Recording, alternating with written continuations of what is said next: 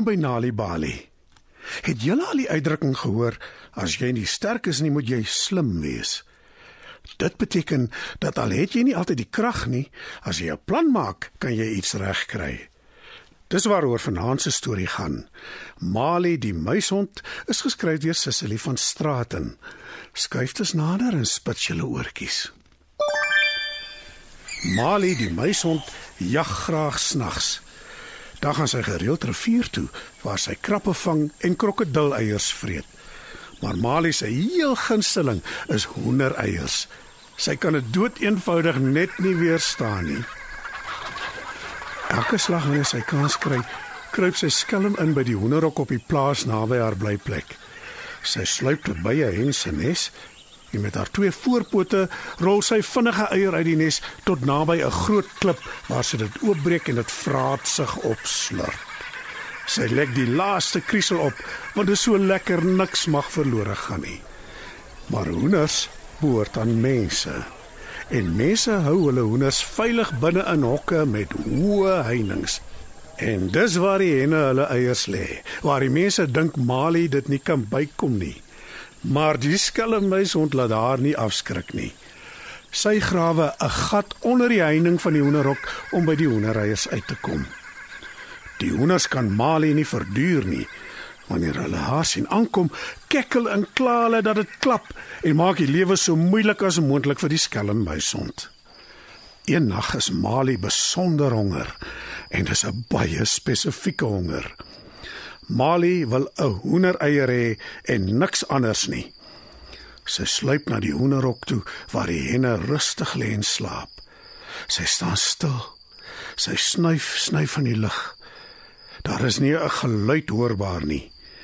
Nie alleen die hoenders nie, maar ook die mense slaap vas.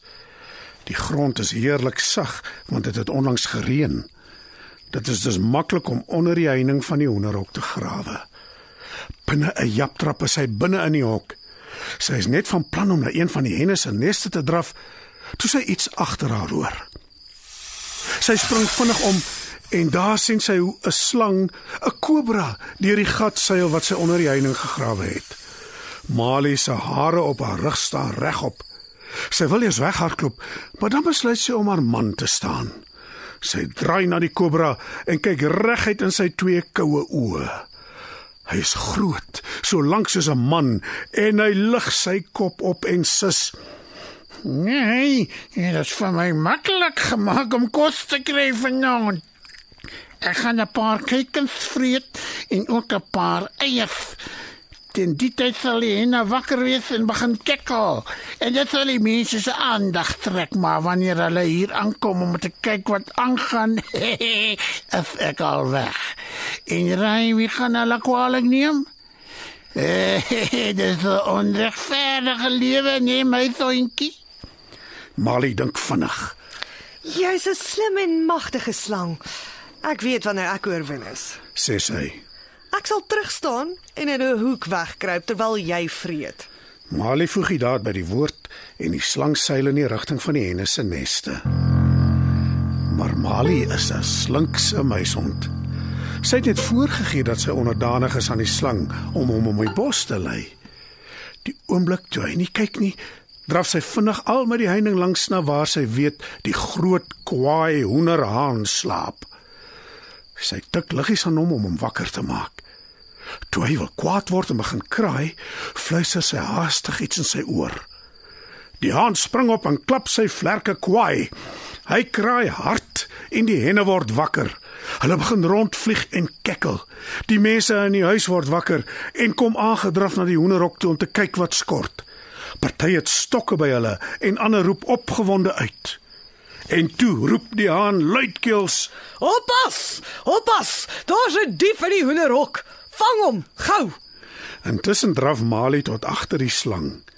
Voordat die mense haar met stokke kan gooi, spring sy op die slang en byt hom aan die kop. Die slang skud sy kop heen en weer om Mali te probeer afskud. Hy seil na die heining toe en kap haar daarteen vas, maar Mali klou vir al wat sy werd is. Dis 'n eislike lawaai. Hoenders kekkel, mense skree, stokke word deur die lug geslinger. Net Mali en die slang maak nie 'n geluid nie. Mali se uithou vermoë word uiteindelik beloon. Sy kry dit reg om die slang mors dood te byt. Die kobra val op die grond neer. Sjoe! Maar jy's dapper. Roep een van die mense uit. En jy het ons gehelp om van die kuiken en eierdief ontslae te raak. Sê 'n ander een. En voeg by: 'n Slim muisond maak 'n slang beslis vinniger van kant as 'n stok. Mali het seer gekry. Sy bloei oral, maar sy staan dapper op en skud haar af. Toe draf sy na die gat in die heining toe en seil vinnig haar deur. Sy hardloop weg so vinnig as wat haar bene haar kan dra tot by die rivier. Daar spring sy in die water en sit doodstil. Die koel water voel heerlik op haar seer bloeiende lyf en dit was haar wonde skoon. Al wat ek vanaand gehad het was 'n bekleierery. Ek het niks kos gekry nie. Sê sy hartseer.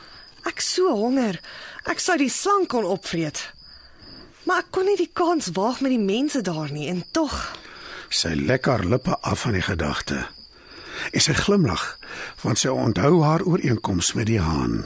ek en die haan verstaan mekaar nou. Ek het die kuikens gered van 'n gewisse dood en die slang sou 'n hele klomp eiers verslind het. Maar behalwe dit, hy sou bly terugkom het. Môre aand is ek terug by die hoenderhok en die aand daarna en die aand daarna, want ek gaan elke aand 'n eier langs die heining kry vir my aandete en geen hen sal 'n geluid maak nie. Want hulle weet, ek en haan het nou 'n ooreenkoms. Wanneer kinders tuistories hoor, help dit hulle om beter leerders te word op skool. Vir meer stories om vir kinders voor te lees of vir stories wat kinders self kan lees, besoek ons by www.nalibali.mobi. Daar is heelwat stories in verskeie tale absoluut gratis beskikbaar. Daar is ook wenke oor hoe om stories vir kinders te lees en met hulle te deel sodat hulle hulle volle potensiaal kan ontwikkel. Nalibali is ook op Facebook. En daar is Nalibali stories en aktiwiteite in bylaas van koerante. Story Power. Bring dit huis toe.